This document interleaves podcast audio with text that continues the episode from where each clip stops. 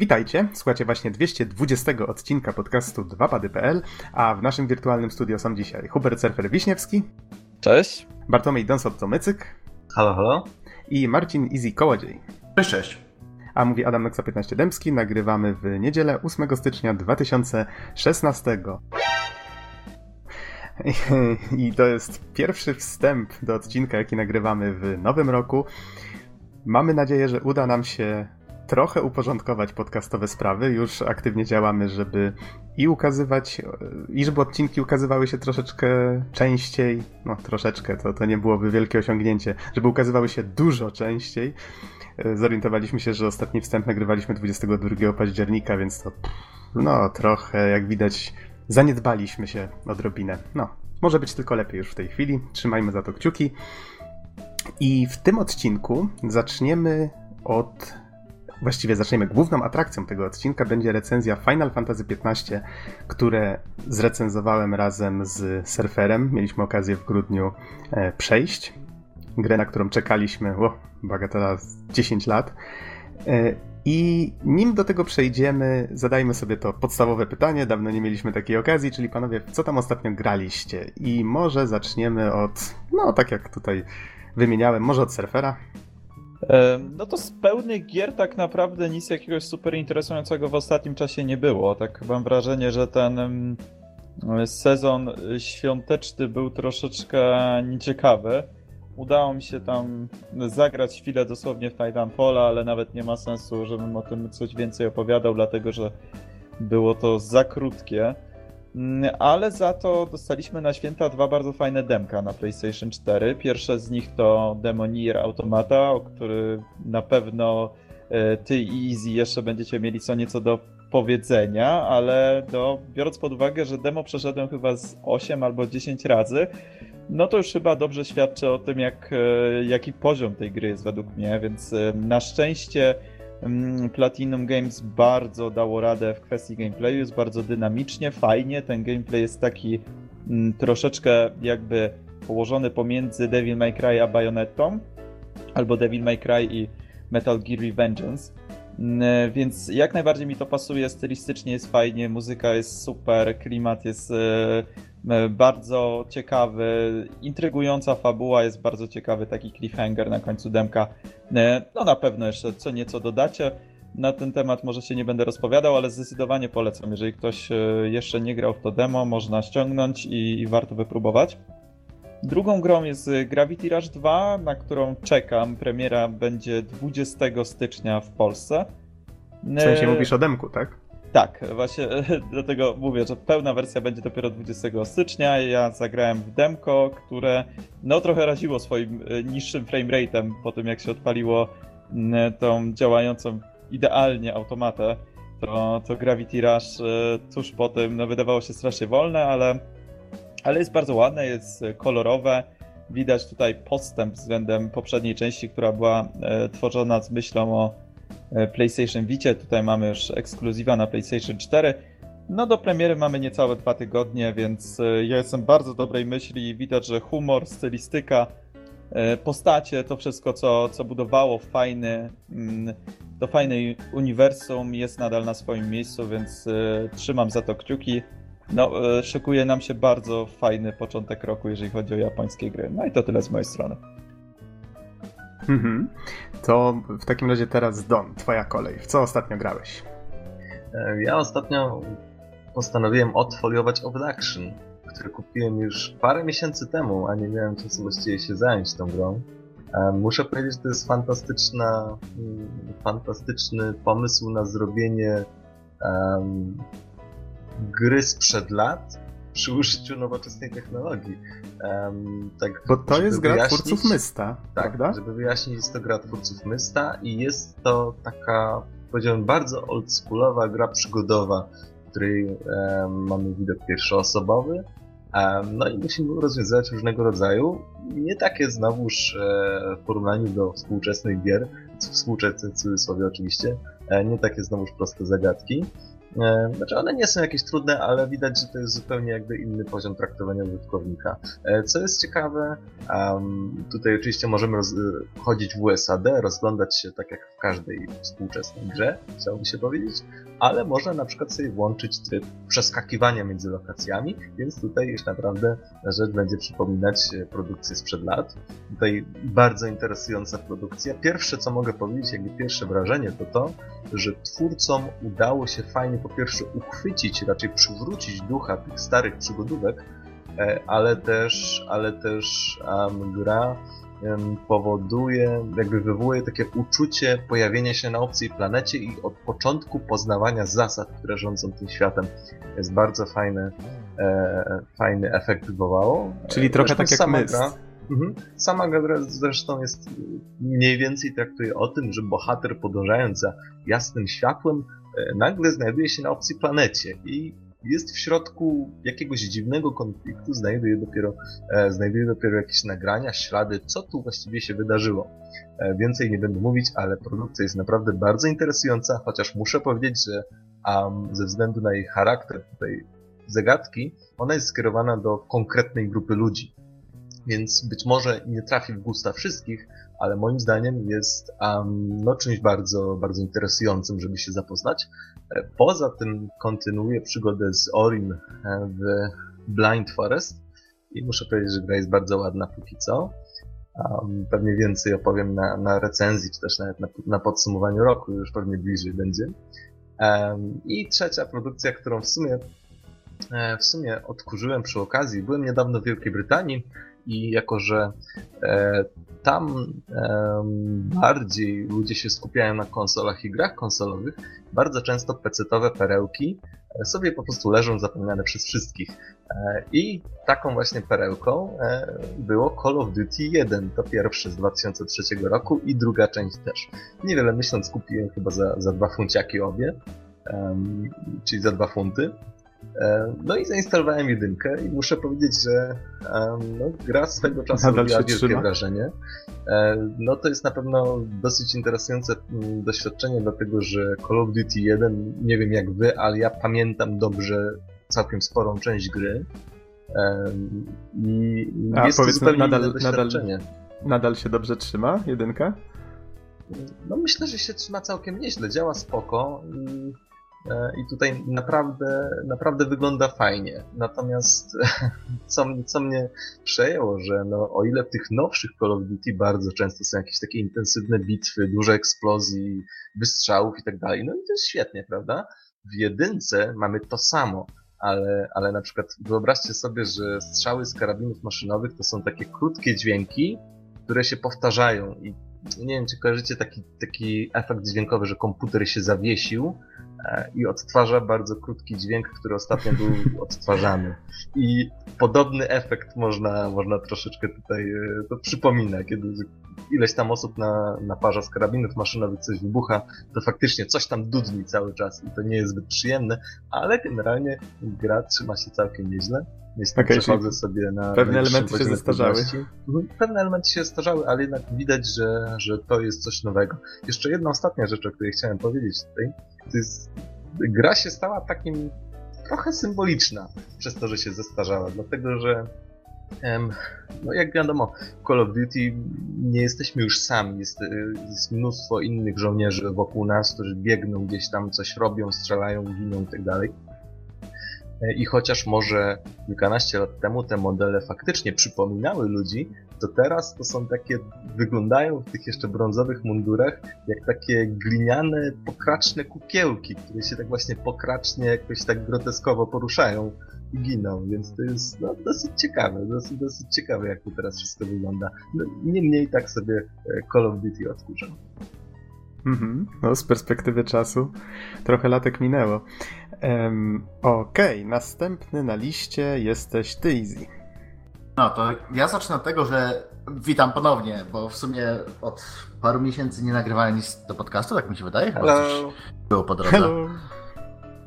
No tak, bo zwiedź też miałeś okazję zwiedzić kawał świata. Nie wiem, czy chcesz no, się pochwalić, gdzie byłeś. No, jakieś tam ten delegacje do Singapuru. Ale co jest Takie ważne, tam... to właśnie jak, jak, jak, byłem w Singapurze, to stwierdziłem, że no człowiek grać musi jakoś, nie? Więc kupiłem sobie PlayStation Vita i dzięki temu nadrobiłem parę fajnych giereczek właśnie na tą platformę. Między innymi y, Odin Sphere Late Asir, czyli ten remaster nowy, który niestety trochę cierpi na to samo, co amerykańska wersja Odin Sphere'a na Playa 2. Czyli, czyli się tnie. Tak. Momentalnie, o, to nie. znaczy nie jest aż tak źle ale, ale dalej widać, że po prostu nie dopracowali tego portu. Yy, Bo tak. ja grałem, tak tylko dorzucę na marginesie, ja grałem wersję PS2 swojego czasu, co prawda jej nigdy nie skończyłem, ale ta gra potrafiła naprawdę zwalniać tak Czyli mówisz, że piraciłeś? Słucham? Mówisz, że piraciłeś? Tego nie powiedziałem. Dlatego, bo, bo europejska wersja została zoptymalizowana i działała dużo lepiej. A, a, a, wiesz, że mam, a wiesz, że mam konsolę PAL i NTSC i to jest fakt? Obie leżą w szufladzie? To wiesz, konsola tak, ale egzemplarz gry. Już mnie tu nie ma za słowa, Easy. A nie, tak serio, to właśnie Odin Sphere, y, Muramasa Ale dobrze wiedzieć Blade, swoją drogą. Y, ogólnie polecam, fajnie jest, naprawdę dodali tam dodatkowe dungeony, jest y, trochę, jest lepiej zbalansowana gra, dzięki czemu nie ma takiej frustracji. Y, wielkiej frustracji, prawda? Ale oprócz tego wciągnąłem się w serię, w serię Trails of.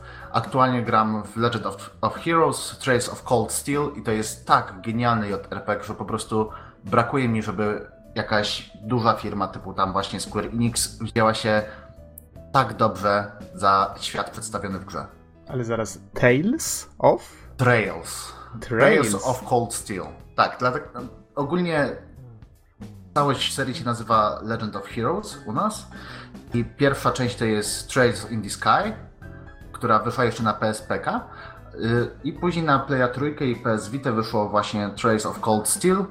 I całkiem możliwe, że wyjdą porty na PC. I naprawdę radzę się zainteresować, jeżeli ktoś tylko lubi JRPG, bo świetnie przedstawiony świat. Mamy oczywiście trochę ratowania tego świata, ale tak naprawdę wszystko się kręci wokół polityki i no po prostu musiałbym zbyt długo opowiadać, żeby, żeby ten, a nie będę was tutaj trzymał do środka nocy na, na zwykłym wstępie. Ale wierzę, że będzie recenzja prędzej czy później. Yy, tak, ogólnie jedynkę powoli kończę, dwójkę, dwójka czeka na mnie w pudełku. Tak jeszcze, nie wiem, zostało mi 6 godzin do końca, a może, może 8. Ale dobra, jeszcze warto wspomnieć, Las Guardiana dzisiaj skończyłem. dosłownie, dosłownie chwilę przed, przed nagrywaniem. O Jezu, daj spokój. U mnie kolekcjonerka stoi, a konsola PS4 Pro jeszcze nie ma. Dopiero e, będzie. Właśnie to, co chcę od razu wspomnieć, nie wiem, czy było na recenzji, ale framerate na zwykłej konsoli jest. Ach a właśnie do... słyszałem o tym. Ja dopiero dzisiaj się o tym dowiedziałem. Właśnie gra grałem na Pro i nie było żadnych problemów i dzisiaj trafiłem na komentarz, że gra na zwykłej bardzo ponoć traci klatki. Bardzo traci. Właśnie wystarczy, że wejdzie się na przykład na, tam są te takie platformy z drzewami, wtedy automatycznie. A jak się dzieje więcej na ekranie, jest więcej po prostu elementów, dla których jest liczona fizyka, to jest momentami jest strasznie i mało przyjemnie. No to jest trochę przykre. Ale... Dlatego prawdopodobnie dopiero jak się zaopatrzę jakoś w PlayStation 4 Pro, to wtedy zagram jeszcze raz, żeby po prostu czerpać w pełni przyjemność. Ale U, jeszcze... to, to, to, szkoda, szkoda, bo gra jest naprawdę tego warta i to aż, to aż boli, że no niektórzy właśnie. nie mogą się nią w pełni cieszyć. Yy, wspomnę jeszcze o jednej grze, żeby już dopełnić tutaj, że wszystkie, wszystkie platformy, to jeszcze na PC ostatnio gram y, w Shadow Tactics Blaze of the Shogun. I naprawdę, jeżeli ktoś lubi klimaty, klimaty Edo, klimaty komandosów, tudzież Desperados, to jest świetne połączenie i polecam. Po prostu polecam z całego serca, jeżeli tylko lubicie takie e, teamowe RTS-y, nie wiem nawet jak to nazwać. I po prostu ten myślę, gatunek. że ten gatunek komandosi zdefiniowali, można to powiedzieć, że to jest takie taktyczne, komandosowe gameplay. Tak, po prostu e, ninja i samuraje komandosi. Polecam. Marcin Kołodziej. e, Okej, okay, a jeżeli o mnie chodzi, tak sobie tutaj na szybko wynotowałem. Nie wiem, czy, czy wszystko. Tak, rzeczy, które pamiętałem z grudnia przede wszystkim. No, skończyliśmy Finala 15, to niedługo będziecie słuchać recenzji. The Last Guardian również. Recenzja już nagrana, prawdopodobnie pojawi się prędzej czy później na podcaście, więc nie będę się tutaj rozgadywał. E, ale gra faktycznie mm, warta grzechu. Titanfalla 2 skończyłem i mam nadzieję, że z surferem uda mi się nagrać recenzję.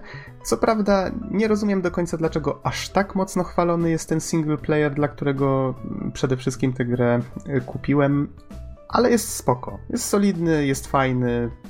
Bawiłem się bardzo dobrze. E, może też jakąś recenzję uda nam się prędzej czy później nagrać, może nie, zobaczymy. E, skończyłem Batmana od Telltale Games i tu też planuję nagrać e, prędzej czy później jakąś recenzję.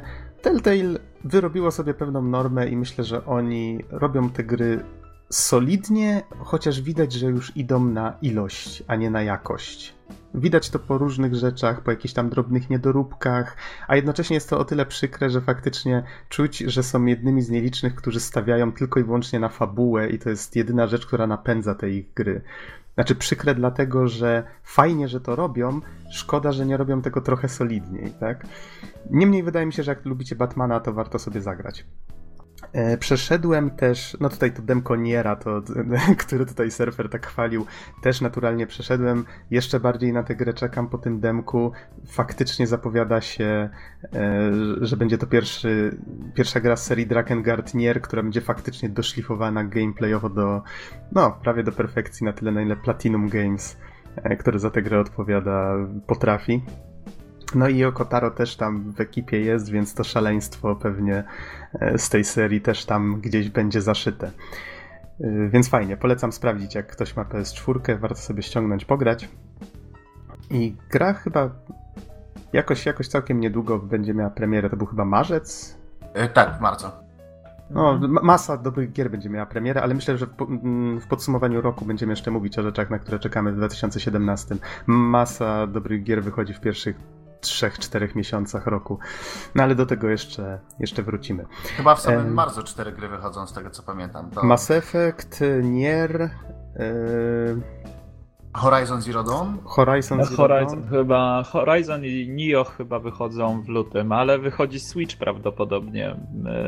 To już być może będziemy wiedzieć na podsumowaniu roku, dlatego że 13 stycznia będzie prezentacja Switcha. Mieliśmy teoretycznie nie mówić o newsach, no ale skoro już rozpoczęliście temat, tak więc prawdopodobnie okay. dowiemy się, jakie będą tytuły startowe, czy, czy wreszcie ta Zelda będzie tytułem startowym. E, tam jeszcze ktoś e, przebąkiwał o Mario, więc e, zobaczymy, co z tego będzie. No ale premiera na 99% będzie w marcu, więc nie dość, że kilka dobrych gier wychodzi i na PlayStation 4 i na Xbox One, to jeszcze do tego, do tego e, prawdopodobnie będziemy mieli premierę nowej konsoli od Nintendo. Mhm. Okej, okay, to jeszcze o dwóch grach tylko chciałem szybko powiedzieć, które udało mi się niedawno e, ukończyć. Znaczy ukończyć. Jedną z nich to właściwie jestem, myślę, jeszcze daleko przed ukończeniem. Jest to Let It Die. Jest to gra, która jest free to playem na PlayStation 4. E, z tego co pamiętam, jest to gra e, Grasshopper Manufacture, czyli firmy, w której studiu, w którym e, pracuje e, Suda 51 dość taki ekscentryczny twórca, nazwijmy to. Lollipop Chainsaw to jest jedno z jego dzieł, jeżeli mnie pamięć nie myli. E, I jest to, Let It Die jest grą, która dość mocno inspiruje się Dark Souls. Czego początkowo zupełnie nie wiedziałem. Tak, zacząłem w to grać nie mając zielonego pojęcia, z czym mam do czynienia i wciągnęło mnie takim bardzo dziwacznym klimatem. Myślę, że jakbym zaczął o tym opowiadać, to zajęłoby mi to sporo czasu, więc po prostu jeżeli macie konsolę, pobierzcie, i zobaczcie z czym to się je, bo jest naprawdę dziwne i specyficzne. Albo wam się spodoba, albo się odbijecie, może być różnie. Jest free to play, niby są mikrotransakcje, ale gram w tę grę już z 20 godzin i nawet na razie nie myślałem o kupowaniu niczego mm, poza samym, powiedzmy, samą chęcią wsparcia twórców za to, że mi już tyle roz, rozrywki dali, tak? Więc myślę, że jest to całkiem po ludzku zrobione. Całkiem fajnie. No i ostatnią grę, o której chciałem wspomnieć, to jest y, Shantae Half Genie Hero od Way Forward, na które czekałem dość sporo czasu. Faktycznie gra jest solidna, fajna. Tak jak nieraz już wspominałem, Way Forward to jest dla mnie taka oaza platformówek, bo właściwie na tym się skupiają, to potrafią robić. Zresztą chwaliliśmy e, z Donem ich remaster DuckTales, który już jakiś czas temu wypuścili. No to Shantae i oprawą jest podobna do DuckTales. Klimat jest typowo shantejowy, że tak to ujmę. To jest już seria, która ma kilka części na, na koncie. Ale myślę, że do tego tematu też, też jeszcze wrócę. Jest to solidna, fajna gierka. Jeżeli komuś się podobały poprzednie części serii, to może w tą też zainwestować. To jest pierwsza część serii w HD. Bardzo ładnie animacje wyglądają, po prostu są tak płynne jak żyleta. Myślę, że animatorzy siedzieli nad tym. Naprawdę nie, nie, nie jestem nawet pewien ile. To jest. To, to zrobiło na mnie największe wrażenie przez pierwsze minuty, potem się przyzwyczaiłem, ale gra chodzi płynnie, pięknie, technicznie jest super. Okej, okay, i wydaje mi się, że starczy już tego troszeczkę przydługiego wstępu. E, jesteśmy już w całym komplecie umówieni na, pod, na nagrywanie podsumowania. Mamy nadzieję, że uda nam się je opublikować dużo, dużo szybciej niż w zeszłym roku. No i będziemy rozdawać te nasze złote halucy, znaczy złote grzybki, tak? Halucynki. Okej. Okay. Nie przedłużając już dłużej, zapraszamy Was na recenzję Final Fantasy XV.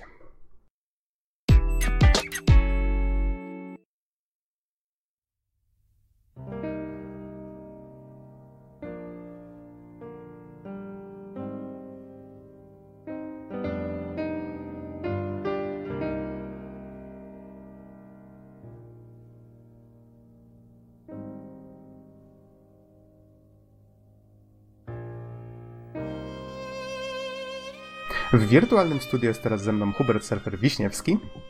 Dobry wieczór. A mówi Adam Noxa 15 Dębski. Nagrywamy w poniedziałek 26 grudnia 2016. I dla nas, jakby na to nie patrzeć, święta, święta i po świętach, ale akurat w taki czas udało nam się zgadać, żeby nagrać recenzję Final Fantasy XV, które wyszło całkiem niedawno. Muszę sprawdzić na cioci Wikipedii. To był 29 listopada tego roku na PlayStation 4 i Xbox One. Jakby na to nie patrzeć, trochę żeśmy się na tę grę naczekali. Surfer, przypomnij, kiedy to właściwie zostało zapowiedziane? 2006 rok, no wtedy to było zapowiedziane pod nazwą Final Fantasy Versus 13 i miał być to tytuł ekskluzywny dla konsoli PlayStation 3. Swoją drogą podobno wielu graczy i wielu fanów serii kupiło już przed premierą Versus 13, która nigdy się nie odbyła oczywiście, jak już wiemy, e, swoje konsole PlayStation 3, no i jak widać nie doczekali się, dlatego że Final Fantasy XV pojawiło się tylko na Xbox One i PlayStation 4. No tutaj 10 lat to jest szmat czasu, jak się o tym pomyśli, ale pamiętam, że Square Enix miało strasznie ambitne plany na trzynastkę. Oni chcieli wydać i jeszcze przed trzynastką zapowiadali właśnie Fabula Nowa Krystali, że to będzie trzynastka, że to będzie Agito 13 versus 13, które teraz znamy jako piętnastkę. E, I mam wrażenie, że po tym jak oczekiwania co do trzynastki nie zostały spełnione, to znaczy okazało się, że gra jest no raczej nudna gameplayowo, tak? Chodzimy porynnie, ta historia się ciągnęła strasznie długo, miała całkiem spoko bohaterów, no ale to jest jakby dyskusja na osobny temat. I okazało się, że gracze chcą tego otwartego świata. Tam były fragmenty otwartego świata w 13, ale to było raczej wymuszone i zrobione w bardzo nudny sposób. Mam wrażenie, że po tym Square Enix też mocno się zreflektowało i plany na Versus 13 też mocno uległy zmianie. Ale jeszcze myślę, że, że do tego przejdziemy, bo to jest dość złożony temat w przypadku, w przypadku 15. To, co też warto nadmienić przed, e, przed rozpoczęciem właściwie recenzji, to to, że Square Enix dość mocno starało się tę grę dopracować, podsuwając ludziom ciągle nowe dema. Było kilka wersji z tego, co pamiętam, i oni starali się brać pod uwagę feedback od graczy i poprawiać różne rzeczy jeszcze przed premierą. Tak, dokładnie. Były trzy wersje demonstracyjne. Pierwsza to było epizod Duska dołączane do pierwszych kopii Final Fantasy Type Zero. E, drugie demo to było Platinum demo, które było wyjątkowo kiepskie. To było e, pierwsze demo wydane dla e, szerokiej publiki, czyli do pobrania dla każdego, ale było bardzo, bardzo kiepskie od strony technicznej. Gameplayowo też było zupełnie inne od tego, co dostaliśmy w ostatecznym produkcie. No i nie sądzę, żeby było to dobrą reklamą, chociaż jak widać chyba nie zaszkodziło, bo Final Fantasy XV jest najszybciej sprzedającą się częścią Final Fantasy, no ale to też mm, temat na odrębną dyskusję. No A pamiętasz może, trzecie... pamiętasz może w jakiej liczbie się sprzedał ostatecznie? czy to nie było coś koło 5 milionów pierwszego dnia, tak mi się wydaje? Nie jestem pewien, Zaraz. czy pierwszego dnia, ale na pewno ta liczba 5 milionów gdzieś tam padła. Wydaje mi się, że to jest przez pierwsze 24 godziny. No wow. i było jeszcze trzecie demo, które, którego my na zachodzie nie dostaliśmy, było do pobrania na japońskim PlayStation Network, nie wiem czy na Xbox Live również. No i to był tak na dobrą sprawę e, taki pro, prolog gry, czyli wyrywek e, samego początku gry, mm, nie wiem, chyba jakoś na tydzień czy na dwa tygodnie przed premierą. A wspomniałeś, że jedno demo było dostępne dla wszystkich, a powiedz mi, a te pozostałe dla kogo były dostępne? E, tak jak mówiłem, pierwsze demo Episode Dusk było dla e, osób, które kupiły Final Fantasy Type Zero z tego pierwszego aha, aha, rzutu, okay. a drugie było dla Azji. A no właśnie Type Zero to jest to Agito 13, czyli cały czas rozchodziło się o to, że te plany na, na różne wersje 13 w końcu spełzły na niczym i to się zamieniło w zupełnie coś innego. Okej, okay, to myślę, że możemy jakby to w ramach wstępu odłożyć już na bok. Skupmy się na samej 15 i właściwie na fabule, czyli o czym ta gra opowiada. Myślę, że sporo osób, które interesowało się tematem, kojarzy postać Noctisa, czyli tego księcia królestwa Lucis, e, który jest głównym bohaterem, oraz kojarzy jego obstawę, czyli tych trzech kolegów, którzy mu towarzyszą właściwie przez całą grę. E, oni się nazywali Gladiolus, Ignis i Prompto. I oni mu towarzyszą w wyprawie, próbują się udać do miasta, w którym ma się odbyć ślub Noctisa z niejaką Lunafreją Nox Floret. Jak widać, nasz ród Noxów jest wysoce znany w wyższych sferach, tak? E, I tym, tym właśnie e, w ten sposób zaczyna się cała przygoda. Po pewnym czasie okazuje się, że stolica, z której wyrusza ta grupa, stolica, która nazywa się Insomnia, zostaje podbita przez e, wrogie Imperium. No i tutaj to zaczyna napędzać różne wydarzenia, tak? Noctis się zaczyna bać o życie swojego ojca, który prawdopodobnie został zabity w wyniku tego ataku. Sama, chodzą pogłoski, że sama Luna Freya, czy właściwie Luna w skrócie, została e, też zamordowana przez wrogą armię. No i zaczyna się podróż, zaczyna się wyprawa, której celem jest odzyskanie królewskiej mocy przodków Noctisa, no i właściwie też zrobienie z tego zbuntowanego nastolatka takiego odpowiedzialnego władcy, nie ma co, nie ma co ukrywać.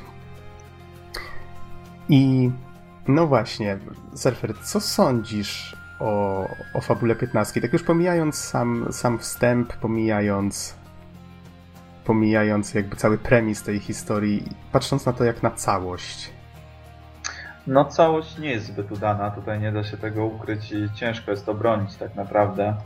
Tutaj nawet wielcy fani 15 części, tak jak widzę, że po recenzjach e, jest oceniana całkiem nieźle e, przez krytyków, no jednak przeważnie wspominają o tym, że ta fabuła kuleje. I wydaje mi się, że nawet e, nie sam jakiś, sama jakaś myśl czy zarys fabularny tutaj jest zły, bo to mi się nawet podoba Problemem jest brak takiej odpowiedniej ekspozycji tych postaci i tych wydarzeń. Bardzo często pewne, wydawałoby się po trailerach kluczowe postacie widzimy raz przez kilka minut w całej grze. Do tego bardzo ciężko jest zrozumieć e, same to podłoże fabularne, to co się dzieje przez pierwsze powiedzmy dwie godziny gry, e, jeżeli nie oglądało się filmu, e, bo nie wiem czy tutaj słuchacze wiedzą, no ale powstał jeszcze film, powstało kilkuodcinkowe anime, e, które dają nam taki troszeczkę większe backstory odnośnie tego, co się dzieje na samym początku gry równolegle właśnie e, w królestwie, królestwie Lucis. Więc pod tym względem wychodzi to bardzo słabo, dlatego że ta historia niestety tak jest porozrzucana między różne mm, twory, E, a w samej grze jest tego bardzo mało. Tutaj też na pewno widziałem po Twoich notatkach, że później będziemy wspominać o tym, że pierwsza połowa gry jest bardzo otwarta i tej fabuły jest naprawdę niewiele. Z drugiej strony druga połowa gry jest zdecydowanie bardziej zamknięta, korytarzowa. To jest takie odbicie lustrzane tego, co, co było w przypadku Final Fantasy XIII. Tam początek był korytarzowy, druga połowa gry była e, otwarta, a tutaj mamy odwrotnie, no i ta fabuła rzeczywiście mocno się napędza w drugiej połowie, przy czym jest robiona bardzo na szybko, tak jest um, te, te wątki i wydarzenia odbywają się tak szybko, że nie ma człowiek tak naprawdę czasu na przemyślenie, przetrawienie tego wszystkiego. No i tak na dobrą sprawę okazało się, że tą drugą połowę gry, tą bardziej korytarzową, już przeszedłem po prostu na jednym posiedzeniu jednego e, dnia, więc no nie jestem zachwycony i z tego co wiem chyba twoja opinia jest dosyć podobna. To znaczy, z jednej strony nie powiedziałbym, że nie jestem zachwycony. Hmm inaczej. Zachwycony faktycznie nie jestem, ale z drugiej strony nie mogę powiedzieć, że się źle przy tej grze bawiłem. To znaczy, historia jest raczej prosta jak drut. Wszystko sprowadza się tutaj do walki światła z ciemnością, e, czy tam królestwa światła do królestwa ciemności, czy tylko to jest ubrane tymi detalami w, taką, e, w taki świat, który ma sprawiać wrażenie wiarygodnego, nawet kojarzącego się dość mocno z naszym, ale myślę, że do tego jeszcze przejdziemy. Mianowicie, ale myślę, że ta prostota, ona miała nawiązywać w pewnym sensie do tych klasycznych części Final Fantasy, gdzie mieliśmy właśnie walkę z chaosem, y, grupę wojowników światła, tak, tego typu rzeczy. I tu mam wrażenie, że twórcy specjalnie nawiązują do tych korzeni, które były takie w miarę proste, czy nawet do pomysłów fabularnych z niektórych starszych części. I na to wskazuje jeszcze napis, który się pojawia na samym początku gry. On głosi, że jest to Final Fantasy dla fanów i dla osób, które y, newcomers, tak, czy tam first timers, dla osób, które mhm. po raz mhm. pierwszy grają w, w, serię.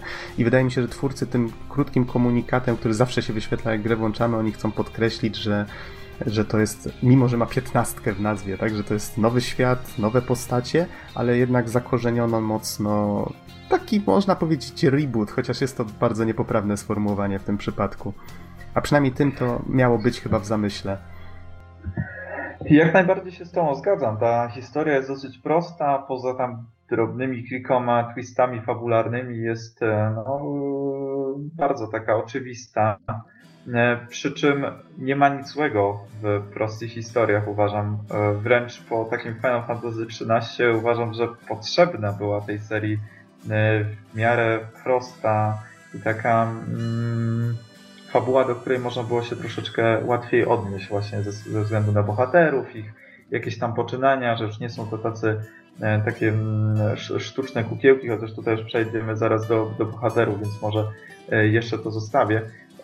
Chodzi mi o to, że tu właśnie problem jest bardziej wykonanie i widać, że po prostu e, w trakcie tych kilku ostatnich lat, e, kiedy Final Fantasy Versus 13 stało się ostatecznie 15, no ten development nie przebiegał na pewno zbyt dobrze z tego, co, co czytałem w ostatnich dniach. E, no to, to było bardzo kiepsko tak naprawdę pod każdym względem i ta, ta gra była sklejana bardzo na szybko.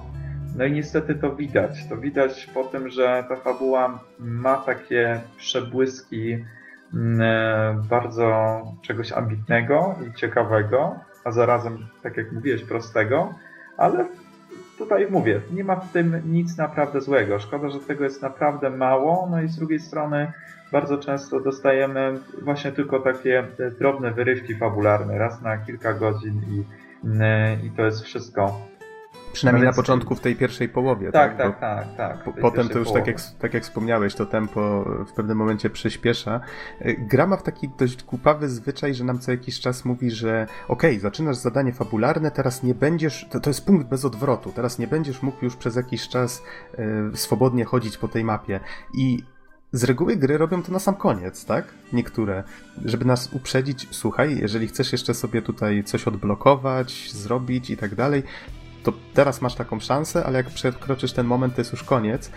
I Final Fantasy XV robi to kilka razy, zupełnie niepotrzebnie, a kiedy następuje ten faktyczny moment, kiedy e, gra już właściwie zamienia się w taką liniową przygodę, która co prawda takim strasznie naciąganym e, sposobem pozwala nam się cofnąć do, do tego otwartego świata, to to właśnie wtedy najbardziej ten komunikat powinien być potrzebny, a mimo to gra go tak, tak przedstawia, że my już a, pewnie to kolejna taka, e, ta, taka, taki fałszywy alarm, tak?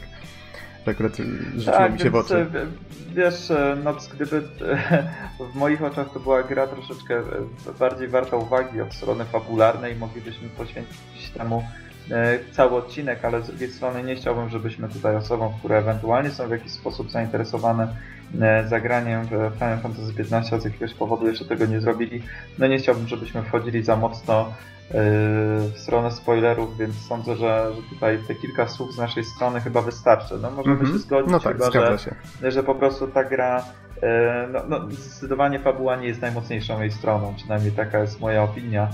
E, więc. E, myślę, to że to, chyba... co. To, co powiedziałeś do sposobu, w jaki ta gra powstawała, to chyba myślę, że to jest najlepszy sposób, żeby to podsumować. Że czuć po tym, że ta gra powstała z różnych pomysłów, lepszych i gorszych, które powstały na różnej przestrzeni tych ostatnich 10 lat, i to potem zostało posklejane, żeby jako tako trzymać się razem, tak? w miarę spójną całość. Ale okej, okay, to zostawmy to faktycznie, nie, nie, nie, nie zagłębiajmy się już bardziej w to. Wspomniałeś o postaciach i myślę, że warto wspomnieć, a przynajmniej skrytykować Finala 15 za to, że nawet jeśli ta fabuła jest w miarę prosta, to liczyłem, że ci główni bohaterowie, tak, ta czwórka postaci, że one zostaną w jakiś sposób em, z, wyjdą z tych swoich klisz początkowych i zaczną być w jakiś sposób rozwijane że pojawią się jakieś ich wewnętrzne motywacje, że staną się pełnoprawnymi postaciami. I to niestety nie nastąpiło, a przynajmniej nie tak mocno, jakbym chciał. Mam wrażenie, że można na palcach jednej ręki policzyć sytuacje, w których poczułem, że o, właśnie w tym momencie ta postać z drużyny, ona zaczyna, y, zaczyna zyskiwać coś w moich oczach, tak? Zaczyna być ciekawsza niż na samym początku gry, coś się zmienia. Zdecydowanie za rzadko takie momenty się zdarzają, może jest, nie wiem, dwa, trzy takie. To ma co czemu to, traktowali. Tyczy się to nie tylko głównych bohaterów, tyczy się to tak naprawdę wszystkich bohaterów grze. E, wydaje mi się, że mm, jedna postać może w jakiś tam sposób się zmieniła poza głównym bohaterem e, na przestrzeni całych wydarzeń. No tutaj nie chcę akurat wymieniać e, z imienia, żeby nie spoilerować, bo e, było to dla mnie dosyć duże zaskoczenie. E, oczywiście pewne postacie mają tam swoje momenty. Ignis ma swój moment, Gladio ma swoje ze dwa momenty, e, gdzie pojawia się jako taka troszeczkę ciekawsza, bardziej zmotywowana postać niż po prostu taki śmieszek, który sobie spodróżuje z, głównymi, z głównym bohaterem. Tak, to zdecydowanie A... Gladio u mnie punktował najbardziej. E, tak, dokładnie. Też uważam, że z całej czwórki jest to, no przynajmniej takie jest moje zdanie, że z tej czwórki to jest, to jest najciekawsza postać. No, ale nawet zadań, e, o, o, postacie poboczne, które mogły wnieść coś ciekawego, tak jak Seed, e, chociażby, czy, czy źli bohaterowie, tak jak Arvin, czy um, już nawet nie pamiętam imienia tego człowieka. E, Ara, Aranea. Mhm, na przykład Ravens dokładnie. Akurat Arania uważam, że też ma swoje momenty. Mhm. Ale tak, tak naprawdę tutaj te postacie mają ten sam problem co sama fabuła, czyli są ciekawe w zamyśle i na pierwszy rzut oka mm, mamy jakieś nadzieje, że może coś się z nimi wydarzy ciekawego, ale tak naprawdę mm, nigdy to nie następuje. E, I jedyny moment, kiedy ewentualnie możemy poznać troszeczkę lepiej E, głównych bohaterów, no to jest właśnie to anime, e, które skupia się na towarzyszach Noctisa e, jeszcze przed wydarzeniami z gry. No i DLC płatne, które będą w Season Passie, który kosztuje aktualnie 104 zł na PlayStation Network. Tam będziemy mieli historię każdego z naszych pobocznych bohaterów. Mm, no ale tutaj też schodzimy troszeczkę na, na, schodzę na troszeczkę inny temat, czyli tego jak Square Enix E, traktuje tę grę od strony finansowej, czyli że jeszcze próbuje ją spieniężyć w różny sposób. No ale tak. Chociaż, chociaż myślę, że poruszy, poruszyłeś o tyle ciekawy temat, że oni po sukcesie e, premierowym stwierdzili, że troszeczkę zmienili swoje plany i planują trochę więcej darmowych DLC niż początkowo zakładali. No chociaż myślę, że 5 milionów to zdecydowanie za mało kopii, żeby zwróciły się te, te 10 lat developingu, tak? Znaczy, z tego co słyszałem, musi się sprzedać przynajmniej 10 milionów kopii, żeby tutaj o jakimś zwrocie rozmawiać i sukcesie. Ale e, tak, też słyszałem oczywiście o tym, że, że będą planowane jakieś dodatki darmowe. Już są swoją drogą do pobrania jakieś tam pojedyncze dodatki.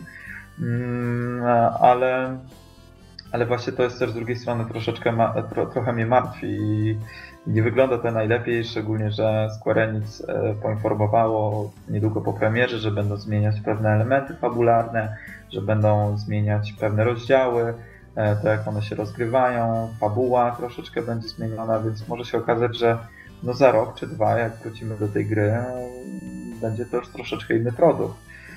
No i szkoda, że właśnie po 10 latach tak naprawdę czekania, no dostajemy nadal grę, która jest w jakiś tam sposób w oczach twórców niedokończona.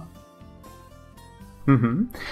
Ale kończąc może już y, kwestie fabularne, przechodząc do gameplayu, jeszcze na sekundkę skupię się tutaj na takim przejściu fabuła gameplay, tak? Mamy tutaj kilka takich fabularnych bzdur, które mocno mnie e, uderzały początkowo. Potem już przestałem o tym myśleć, bo za mocno mi to przeszkadzało. Mianowicie to, że mamy grę, w której jesteśmy księciem. Okej, okay, przyszłym władcą nawet. I i co? I wykonujemy questy, które polegają na hej chłopcze, dostarcz tę paczkę, ale ja jestem księciem, bierz tę paczkę i idź tam. I co robią nasi towarzysze? E, właściwie tak ładnie prosi, w sumie możemy mu pomóc. E, Okej. Okay. Jest naprawdę masa tutaj takich sytuacji, w których miałem wrażenie, że twórcy tak bardzo starają się tak, tak, tak na siłę starają się uzasadnić, dlaczego my to właściwie robimy. I bardzo często się coś takiego powtarzało. Inny przykład, tak. który mi... I've come up with a new recipe. Sorki, że wszedłem ci słowo, ale e, taka myśl właśnie mi przyszła też do głowy, że to, co mi się bardzo rzucało w oczy, to jak działo się coś tragicznego, e, była jakaś scenka, gdzie dowiadywaliśmy się o jakichś strasznych rzeczach, czy coś się złego działo na naszych oczach, to wracaliśmy do gameplayu i po jakichś 10 minutach e, znowu wszystko było fajnie i było sobie gadanie o głupotach i jakieś tam nucenie, czytanie książek i gadanie o pierdołach.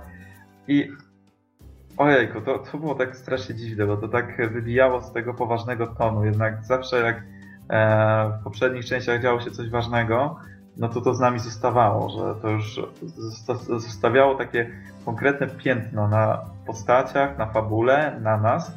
A tutaj tak naprawdę po 5-10 minutach wracamy do normalności i jest gadanie o głupotach i, i wszyscy są w dobrym nastroju. Czy tobie się też to nie, nie rzuciło w oczy przypadkiem? Mm, nie aż tak. Mam wrażenie, że w drugiej części gry już starano się trzymać to, to, tą fabularną spójność trochę bardziej, chociaż tam z kolei te dziury takie. No dobra, teraz trochę sobie przeczę. No powiedz, no to już mówiliśmy o tym, tak? To jest dziwnie trochę skonstruowana cała ta gra. E, może dokończę tylko myśl, jeszcze taki inny przykład, na przykład my jeździmy o czym zaraz powiemy, tym swoim samochodem, regalią po całym świecie. Wszystko jest super, wykonujemy te questy. I Imperium, które właściwie w tej chwili rządzi tą krainą, bo ją podbiło, ignoruje nasze istnienie w tym świecie. Od czasu do czasu pojawi się powiedzmy jakiś patrol, zaatakują nas na drodze, czy, czy jak wyjdziemy jakieś mopki ubijać z powietrza, ale to wszystko. Oni jakby ignorują fakt, że najważniejsza osoba, która została z tego państwa podbitego, ona sobie po prostu hasa, nawet nie ukrywa się tym, że jest księciem. Ten jeden element fabularny byłby w stanie załatać wszystkie te nieścisłości, gdyby bohater z tą ekipą udawał, że nie jest księciem. Gdyby się przebrał i udawał zwykłego cywila, no to wtedy okej, okay, to by nawet załatało większość dziur fabularnych, tak? No ale cóż. W, wiesz, tutaj problemem jest to, yy, że Imperium właśnie nie powoduje tego uczucia strachu, jak na przykład powodują potwory na początku gry, gdy jeździmy w nocy. Nie wiem, czy to by się zdarzyło, bo mm, na samym początku gry, jak dostajemy już możliwość prowadzenia samochodu, E, dostaje informację, że nie, lepiej w nocy nie jeździć, bo potwory wyskoczą. Ja sobie Oczywiście Ignis podszedł i puknął cię w ramię. Tak, tak, tak. tak. Więc mówię, chrzanie to, co, co tam będą mi mówić, co ja mogę tak. robić, co nie. No więc radośnie wyjechałem sobie na przejażdżkę po nocy i tak nagle ni stąd, ni zawód pojawił się Iron Giant, sztuk dwie, e, level 30, a ja tam level trzeci czy czwarty, więc e, to było takie szybko uczące pokory i tego, że jednak należy czuć troszeczkę ten respekt do tego świata i to było super. To był jeden z niewielu momentów, gdzie tak naprawdę to było czuć i właśnie fajnie by było, gdyby na przykład, gdybyśmy dostawali informację, że ok, w tym rejonie są patrole tutaj na razie może lepiej się nie zbliżać, dopóki jakiś tam nasz Intel nie, nie poinformuje, że jest trochę lepiej, czy no tutaj oczywiście jakiś pomysł pierwszy lepszy, który mi przyszedł do głowy, ale tak. Ale i tak brzmi że... lepiej niż to, co zrobili, to prawda. Dokładnie, że, że po prostu to, to imperium gdzieś tam sobie jest i tak na dobrą sprawę każdy atak tego imperium na nas wygląda tak samo, czyli że nadlatuje ten statek, on się zatrzymuje nad naszymi głowami. W sumie zanim ci przeciwnicy wyskoczą z tego e, statku, to tak możemy sobie uciec bez żadnego problemu i ominąć to i nikt sobie nie robi z tego powodu problemów. E, więc no, to jest niestety taka kolejna nieścisłość, która e, kompletnie burzy tę imersję i to, co, co wydaje mi się, że powinniśmy odczuwać, czyli takie poczucie no, konkretnego strachu, e, że, że w końcu sama mm, sama stolica została podbita, my sobie po prostu radośnie hasamy i biegamy na czekobosach i jest przyjemnie, no. Mamy taki brotrip, tak, no to, to jest taki, taki przyjemny Brotrip, jak to ładnie napisałeś w którymś miejscu, e, Cats Lucis, taki, taki sucharek, więc tak to nic A, no, tak, tak. Pamiętam, że ze znajomymi żartowaliśmy sobie, że to jest taki właściwie boys band na wieczorze kawalerskim i nazwaliśmy to Cats Lucis, tak, od, od nazwy królestwa. Tak jak wspomniałeś, przyjemny sucharek. E, ale żeby pochwalić grę chociaż za, za jedną scenę, jeżeli chodzi właśnie o te nieścisłości fabuła gameplay, starano się tu na przykład przedstawić scenę negocjacji, która wypadła całkiem fajnie, możemy wybierać to, co chcemy powiedzieć. I tutaj faktycznie poczułem się jak książę w swojej roli. To było całkiem spoko, no tylko, no, no właśnie, cała reszta jakby niekoniecznie Myślę, że mogli albo wyrównać w jedną stronę, albo w drugą, a poszli tak jakby dwa zupełnie różne światy. No, ale skoro o świecie już mówimy, wspomnieliśmy o regali, czyli tym naszym pojeździe, wspomnieliśmy o czokobosach, mamy ten otwarty świat, czyli powiedzmy troszeczkę o tym, jak nam się to podobało i, e, jak to właściwie wygląda. Fajnie zwróciłeś uwagę, ja na przykład jakoś sobie tego wcześniej nie zanotowałem, że cały design, e, przynajmniej większości lokacji, on jest stylizowany na takie Stany Zjednoczone lat 60., 70. To widać po stacjach benzynowych, po, tym, y, po tych chromowanych elementach często, po niektórych samochodach. To, to taka fajna stylowa, która y, wprowadza tak, tak, ciekawy ten klimat. styl jest taki wyjątkowy, to się nie spotyka tego typu e, klimatów w innych grach, więc to, to fajne. No, to znaczy, coś, nie, przesa nie, przesadzałbym, nie przesadzałbym, bo tutaj Fallout mi przychodzi na myśl, ale JRPG masz pewnie na myśli. Mhm, tak, w japońskich grach RPG, tak, jak mhm. najbardziej. Okej, okay, i co my właściwie tutaj mamy jeszcze e, zanotowane? Mm, o samej regali myślę, może ty chciałbyś trochę opowiedzieć. Widziałem, że twoje notatki na temat regali były o wiele bogatsze od moich. To pozwól, że wrócę do swoich notatek na temat regali. Hmm. Znaczy, no jeżeli, dobrze, tak. jeżeli mogę zacząć, to jeżeli mogę zacząć, to przede wszystkim nie, nie oczekujcie czegoś takiego, jak macie na przykład Metal Gear Solid 5, że macie swobodę poruszania się samochodem czy innym pojazdem. To tutaj mamy jazdę po szynach.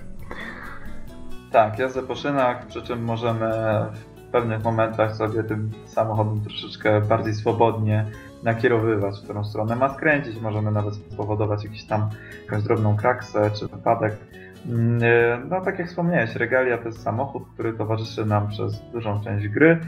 E, można go ulepszać. E, to, to jest całkiem fajny element dodatkowy, bo tak na dobrą sprawę mogłoby go zupełnie nie być, nikt by nie miał o to pretensji, a jednak go wrzucili i jest, e, jest całkiem fajny. To jest jedna z niewielu rzeczy, która w tej grze mam wrażenie, że jest tak dopieszczona.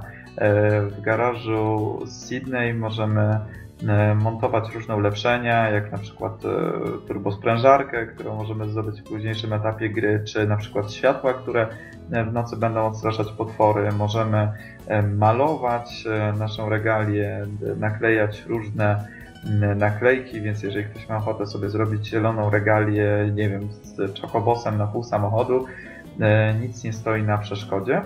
I mamy Jaka herezja. Tak, no, mamy to paletę kolorów i e, malowań, naklejek bardzo, bardzo no, dużą, więc jest to fajne. To tak tylko wspomnę, że to brzmi trochę tak, jakbyście na Rolls Royce'a swojego ojca chcieli nakleić wielki banner i pomalować go na fioletowo, dajmy na to. Co nie zmienia faktu, że jeżeli ktoś ma taki kaprys, to, to jest taka możliwość i to jest fajne, wiesz, że niekoniecznie tutaj trzeba się trzymać tej poważnej konce- konwencji, że Ale może. to będzie taka limuzyna.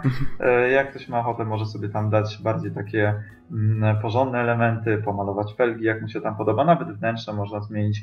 No, nie, nie dodasz tutaj żadnych spoilerów czy, e, czy zderzaków, nie jest to w końcu, nie wiem, Need for Speed, ale jest to całkiem ciekawy element. No i do tego mamy całe menu samochodu, którego możemy korzystać e, i z tego menu możemy e, kupować przedmioty najróżnego, najróżniejszego rodzaju, czyli przedmioty leczące, możemy kupować e, przedmioty do wędkowania, jakieś tam składniki do gotowania itd., tak itd. Tak do tego możemy oczywiście wybrać miejsce docelowe na mapie, możemy się teleportować albo albo po prostu przeżyć sobie tą podróż e, automatycznie, oglądając tylko co się dzieje wokół i słuchając muzyki, tak, albo wtedy, możemy wtedy jeden, prowadzić. Tak, wtedy jeden z kolegów, to był Ignis bodajże, on prowadzi samochód, a my tylko sobie siedzimy i to, to co mi się bardzo spodobało, to to w jaki sposób postacie reagują na to, czyli powiedzmy, nawet jeżeli my prowadzimy, i trzymamy sobie gaz, postać właściwie sama jedzie i ta wycieczka już trwa trochę. Nagle jeden zaczyna czytać książkę, drugi zasypia. I to jest taki fajny detal. Różne ciekawe rzeczy się dzieją właśnie. Ja tam sobie patrzę na widoczki, w pewnym momencie patrzę z powrotem na tą ekipę, oni robią coś zupełnie innego. Tak całkiem fajne, jak czasem dużo rzeczy wpakowano w tę grę, których niektórzy pewnie w ogóle nie zauważą. Dokładnie tak, tak więc tutaj ta ilość detali jest naprawdę ogromna i i do tego jeszcze jedna świetna rzecz, która, no jak zapowiedzieli, to trochę kręciłem nosem, ale ostatecznie mi się bardzo spodobała, czyli fakt, że można w różnych sklepach kupować składanki z muzyką z konkretnych części Final Fantasy. No i e, tak dobrą sprawę z każdej numerowanej części możemy kupić, dodatkowo z bardzo wielu tam dodatków e, do 11, Type Zero jest, jest Dissidia, E, jest nawet składanka z muzyki z tej minigierki z Final Fantasy XV czy z filmu, więc e, jest tego bardzo dużo i też jest to całkiem fajne. Później dostajemy także możliwość zakupu e, odtwarzacza przenośnego, który no, pozwala nam słuchać tej muzyki już normalnie biegając po świecie. I możliwość słuchania niektórych utworów z Final Fantasy X czy XII naprawdę jest fajna i i doskonale pasuje do, do tych długich podróży samochodem. Więc to jest zdecydowanie plus i powiem Ci szczerze, że ten cały, mm, cały mechanizm działania regali, czy cały system, który jest e, wokół niej zbudowany, różnych opcji, jest naprawdę bardzo fajnie dopracowany. E, no i tutaj tak naprawdę nie ma się o co przyczepić. To znaczy myślę, Nawet... że to za... Mhm. Nawet trzeba tankować na jakiś czas. Można, a ceny benzyny są tak zaskakująco niskie. Kurczę, to, to musi być piękny kraj. Ale jeszcze jedna rzecz mi się tak nasunęła, jak mówisz, bo to zależy, myślę, od gracza. Niektórzy mogą stwierdzić, że kurczę, nie mam żadnej kontroli nad tym, a muszę dojechać do kolejnego punktu. Jak się powiedzmy odwiedzi już jakieś miejsce, to można się do niego e, teleportować, nazwijmy to, tak? Jest szybka podróż ale myślę, że wbrew pozorom całkiem fajny klimat ta gra buduje. Miejscami miałem wrażenie, że to się rodzi... na początku przynajmniej miałem takie wrażenie, że to się zaczyna taka podróż drogi. Faktycznie jedzie się tym autem, możemy bo ja wiem, posłuchać tej muzyki, którą lubimy z innych finali, możemy pooglądać te piękne widoczki, wczuć się w klimacik, to jest całkiem, całkiem spoko, ale tak naprawdę najbardziej spodobało mi się podróżowanie czokobosami jak pojawiły się czokobosy, którymi możemy już jeździć gdzie chcemy, możemy wezwać je gdzie chcemy, tak jak płotkę na przykład w Wiedźminie Trójce, no to wtedy poczułem się naprawdę wolny, tak? Mogę jechać gdzie chcę, robić co chcę i te czokobosy y, otworzyły dla mnie tę grę, sprawiły, że stała się dużo bardziej przyjemna. No i tutaj no tak, bo te, te, też... możemy, mhm. czokobosami możemy dotrzeć zdecydowanie większą ilość miejsc niż e, regalią, więc mamy dużo większą swobodę jest to też fajne, przy czym to, co mnie irytuje, to fakt, że nie można słuchać właśnie innych utworów mm, e, podczas jazdy na Czekobosie. No troszeczkę po iluś tam godzinach już ten motyw Czekobo jest e, męczący, ale mhm. tak, to jest, to jest kolejny element, który jest dosyć fajnie zrobiony. Do tego możemy tego Czekobosa nazwać, możemy zmienić mu e, kolor upierzenia i karmić go różnymi przekąskami w czasie biwakowania i to jest też całkiem fajny element, naprawdę, więc chyba nie mam tutaj większych zarzutów. No chyba to tylko to, że mm, gdzieś tam się przewijało, że będą wyścigi czokoboi, rzeczywiście one są, ale, ale jakoś mnie nie porwały. Nie wiem, czy w ogóle miałeś okazję ścigać się w tej grze. A, właśnie, wiesz co, zapomniałem o tym zupełnie. Wiem, że tam była na mapie jakaś trasa, ale nie dotarłem tam nigdy. Tak więc nie jest to w żaden sposób rozbudowane. Tak naprawdę Aha. masz jakieś pojedyncze wyścigi z postaciami z drużyny i dostajesz za to jakieś przedmioty i to jest tyle. Więc jeżeli ktoś liczył na jakąś porządną minigierkę, no to, no to niestety tutaj, tutaj to nie wypaliło. Mhm. E, wspomniałeś o biwaku, to myślę, że warto wspomnieć, że całkiem fajnie udało się twórcom przenieść ten klimat takiej typowej drużyny fantazy i przenieść go na klimat takiego właśnie biwaku z przyjaciółmi. No bo mamy, jakby na to nie patrzeć, grupę kolegów, którzy jadą sobie samochodem, e, rozbijają namioty w jakichś punktach, stawiają sobie grilla, jeden z nich potrafi kucharzyć, więc możemy sobie wybrać jedną z potraw. Te potrawy wpływają w jakiś sposób e, na jakieś czasowe buffy, mm, powiedzmy dają nam więcej expa albo, albo więcej siły, HP i tak dalej. E, możemy odwiedzać restauracje, bary, właśnie z tym jedzeniem to w ogóle jest osobny temat. Całkiem muszę przyznać, że całkiem dużo poświęcono czasu przygotowaniu modeli tych, tych potraw. Jak coś zamawiamy, na ekranie pojawia się model, który wygląda jak żywy czasami. Czy to frytki, czy jakiś kawior, cokolwiek. Wygląda to po prostu przepięknie i grając w tę grę można się autentycznie poczuć głodnym, jak się patrzy na to wszystko. Mam wrażenie, że chyba metodą fotogrametrii robiono te potrawy, w sensie fotografując je z różnych stron, bo to wygląda aż za dobrze. No i właśnie e, wracając do, do, do tematu tego biwakowania, fajnie, że, że to taki ciekawy klimacik e, rodzi. Zresztą musimy nocować gdzieś, czy to w hotelu, czy właśnie rozbijając obóz, bo jest to jedyny sposób, żeby przerodzić expa, który żeśmy zdobyli na, na levele można to w fajny sposób łączyć, bo na przykład niektóre potrawy pozwalają nam zdobywać więcej expa, w sensie mnożnik na jakiś czas nam zwiększają, a do tego niektóre noclegi też mają większy mnożnik expa już tego, który mamy. Czyli możemy najpierw sobie nabijać więcej expa w trakcie, potem jeszcze w noclegu nabić sobie dodatkowego i ja w ten sposób raz pamiętam nabiłem kilka leveli. Jak tobie surfer powiedziałem z jakim levelem skończyłem grę, to pamiętam, że się zdziwiłeś. Bo zrobiłem któregoś tak, razu no taki, to, to, taki run questowy. To, jest całkiem fajny, całkiem fajny też element e, mm, dodający właśnie temu, że musisz co jakiś czas zaplanować. Ok, jestem w tym miejscu, to czy na przykład pójdę i rozbiję obóz i skorzystam z możliwości zjedzenia czegoś tam, czyli mm, wrzucenia sobie tych buffów i ulepszeń na jakiś czas, czy może pójdę spać do jakiegoś hostelu i dostanę większy mnożnik z tego skumulowanego już doświadczenia. E, więc tutaj to jest fajnie zrobione, zresztą każdy bohater tak naprawdę ma jakąś swoją umiejętność, więc... E, A wiesz co, jeszcze, jeszcze jeżeli mogę ci mhm. przerwać myśl, bo chciałem jeszcze jedną rzecz dodać, nim zapomnę, e, to pozwoliło mi zauważyć jeszcze jedną rzecz, jak robiłem ten, ten run taki questowy, że jak mamy cykl dnia i nocy, E, dynamiczny i faktycznie zmuszałem te postacie do tego, żeby nie szły spać, tylko, tylko faktycznie nabijały tego expa, to zauważyłem, że po pierwsze ubrania im się brudzą z czasem, że zaczynają narzekać, że o kurczę, kolejna nieprzespana noc, albo zaczyna wstawać e, słońce, a oni to już ranek? Rany, całą noc zabijaliśmy te potwory, nie? Tak zaczynają reagować fajnie na, na niektóre rzeczy i to było całkiem, całkiem spoko. A zacząłeś mówić o y, dodatkowych różnych aktywnościach i umiejętnościach.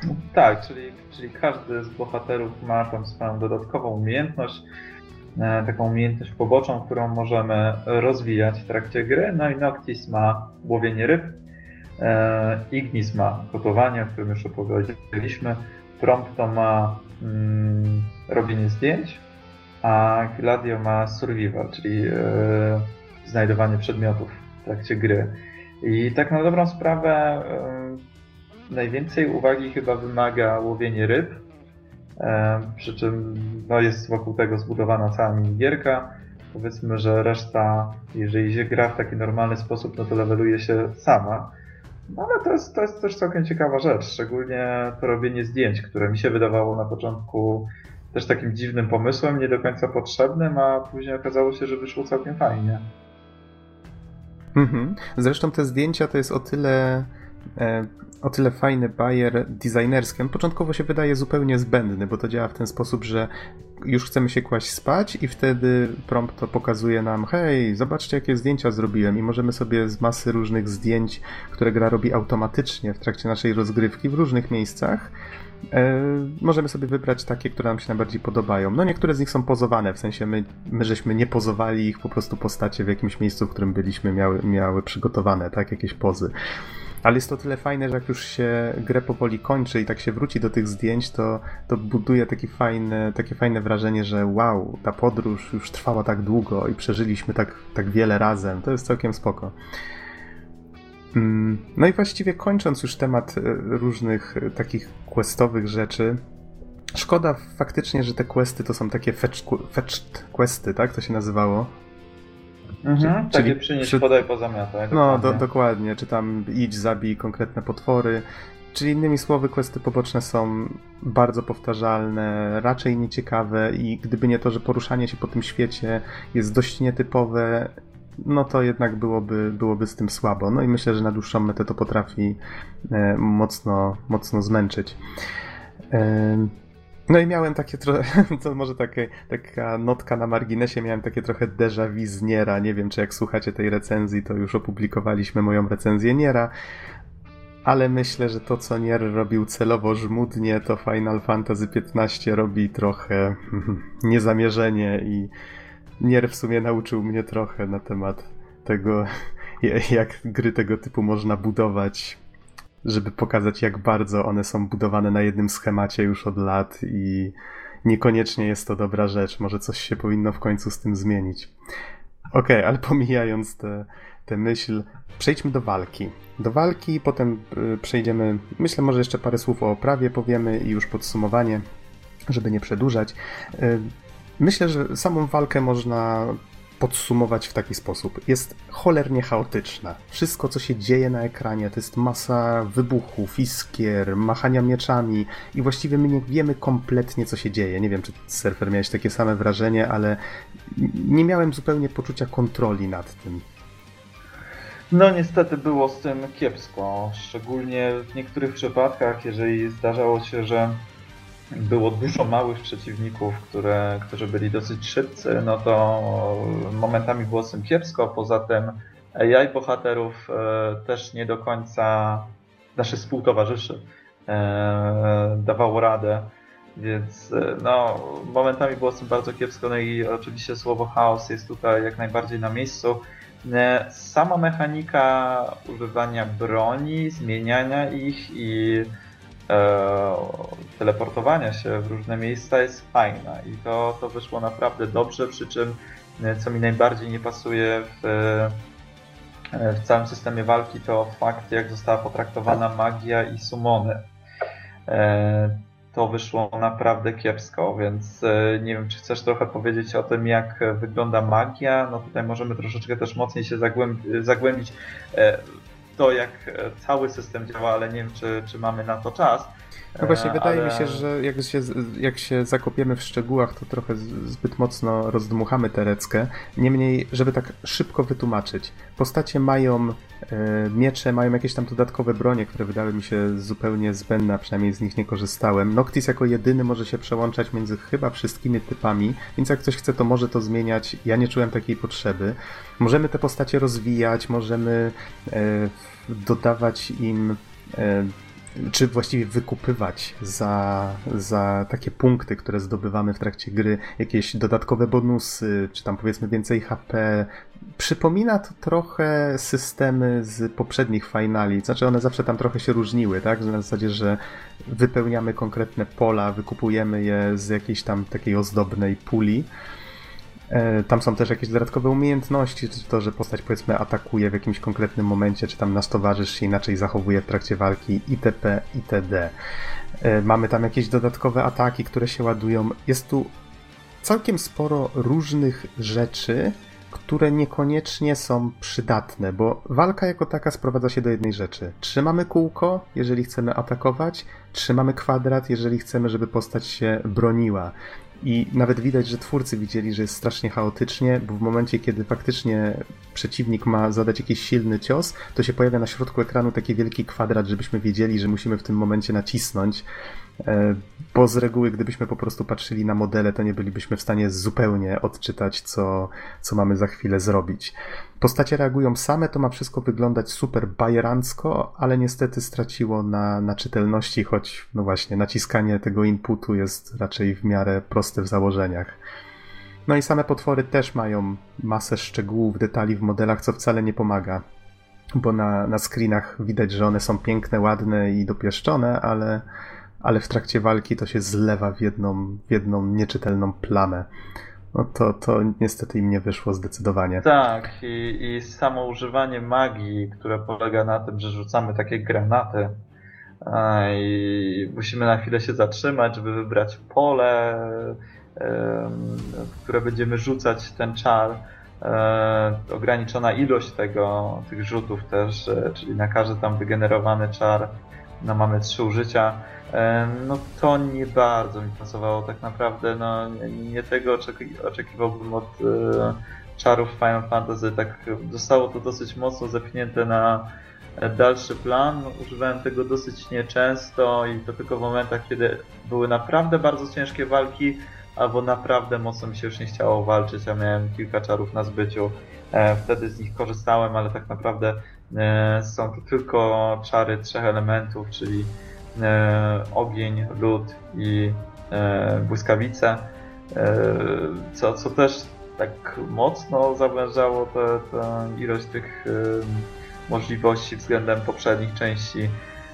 No i tutaj no może już wspomnę też o tym, co, co też napisałeś, czyli że sumony pełnią praktycznie rolę tylko i wyłącznie fabularną w bardzo konkretnych i bardzo rzadkich sytuacjach możemy przyzwać e, jakieś e, sumony, przy czym to gra tak naprawdę wybiera za nas, e, co zostanie przywołane i mm, no nie, nie, nie jest to fajny mechanizm, nie działa to fajnie, nie sprawiało mi to żadnej tak naprawdę przyjemności. Był to taki.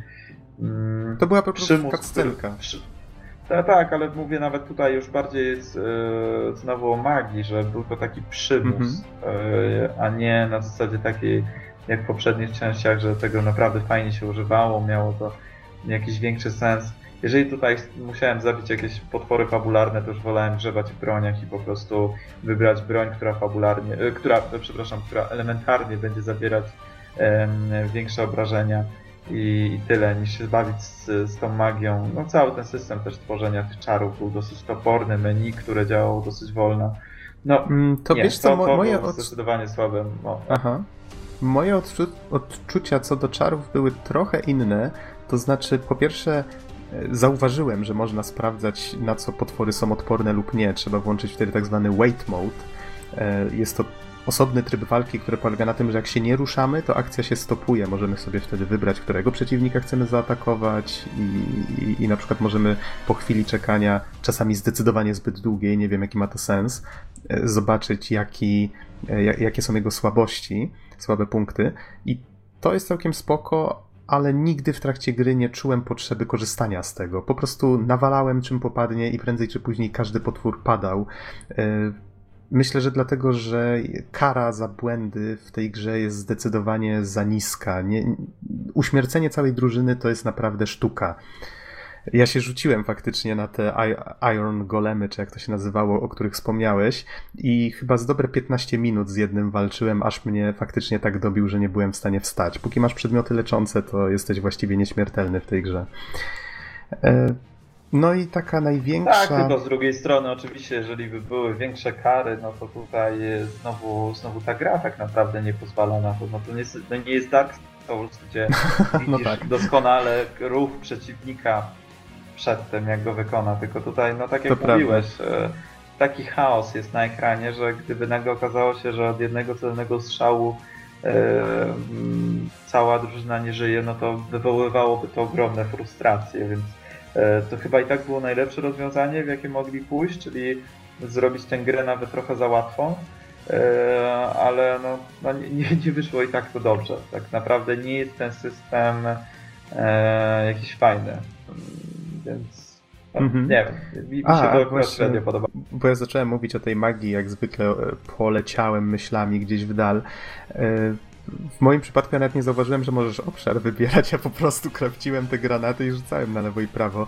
E, ale akurat wydało mi się, że ten system ma tam odrobinę głębi, na zasadzie, że można tworzyć granaty, które rzucają losowo jeden z tych czarów, możemy takie, które są silniejsze, słabsze, w zależności ile tego materiału magicznego na to damy, czy jaki przedmiot z tym e, połączymy i to wtedy ma jeszcze tam powiedzmy dodatkowe efekty, czy to leczące, czy, czy, czy inne, więc okej, okay, niby jest to banalne, ale zawsze traktowałem to jako taką obszarówkę, która rani i moją drużynę, i przeciwnika, więc to był taki, e, taki faktycznie, że widziałem, ok, jest silny przeciwnik, to bum, rzucam granacik i zaczynamy full attack. No ale już kończąc, myślę, temat walki, coś, co mi się najmniej podobało w tym wszystkim, w całej grze, to to, jak słabo potraktowano takie kluczowe starcia fabularne z najsilniejszymi, największymi przeciwnikami. Coś, co, coś, co już pokazywano w zapowiedziach, w materiałach, chociażby na E3. I są to zdecydowanie najsłabsze gameplayowo walki w grze. To właściwie jest takie press kółko to win, tak? Nie czułem zupełnie skali tego starcia było to cholernie nierealistycznie, już pomijając, że reszta gry nie jest realistyczna, ale tutaj powiedzmy te wielkie łapska, które nas uderzają, to właściwie dawno by zmiażdżyły pół świata, tutaj bohaterowie sobie dalej hasają, jak gdyby nigdy nic. Nie wiem, nie trafiło to do mnie zupełnie. Nie wiem, jak w twoim przypadku. Zgadzam się, więc e, nie mam tutaj nic do dodania ze swojej strony. Jak najbardziej masz rację. Mhm. Okej, okay, to przechodząc do oprawy, myślę, że bardzo dużo już żeśmy punktów wymienili wcześniej. Y, zanotowałeś sobie tutaj, że jest kiepski lip sync, coś czego nie zauważyłem. Może nie zwracałem na to uwagi zbytnio. Jejku, da się nie zwracać na to uwagi w tej grze? W sensie... Wiesz, wiesz co, jestem wzrokowcem no to... i z reguły czytam mhm. napisy, na to bardziej patrzę. Aha, no to animacje ruchu ust postaci, to jak one się nie zgrywają, tym, co te postacie wypowiadają, są porażające. Inna sprawa, że e, postacie poboczne, jak jakieś NPC mają bardzo, bardzo słabą animację twarzy, no ale już sam fakt, że te e, słowa się tak nie zgrywają z tym, co widzimy, no to, no sorry, już Kingdom Hearts 2 robiło to naprawdę dobrze, a to były czasy PlayStation 2, no i e, wypadło to bardzo słabo, szczególnie jak na produkcję tak wysokobudżetową i szczególnie, że reszta animacji w grze daje radę, to znaczy animacje ubrań, włosów, to jak włosy na wietrze się zachowują, to jak e, się zachowują na deszczu, że one opadają, mm, jak płaszcze czy, czy inne elementy ubrania bohaterów powiewają na wietrze.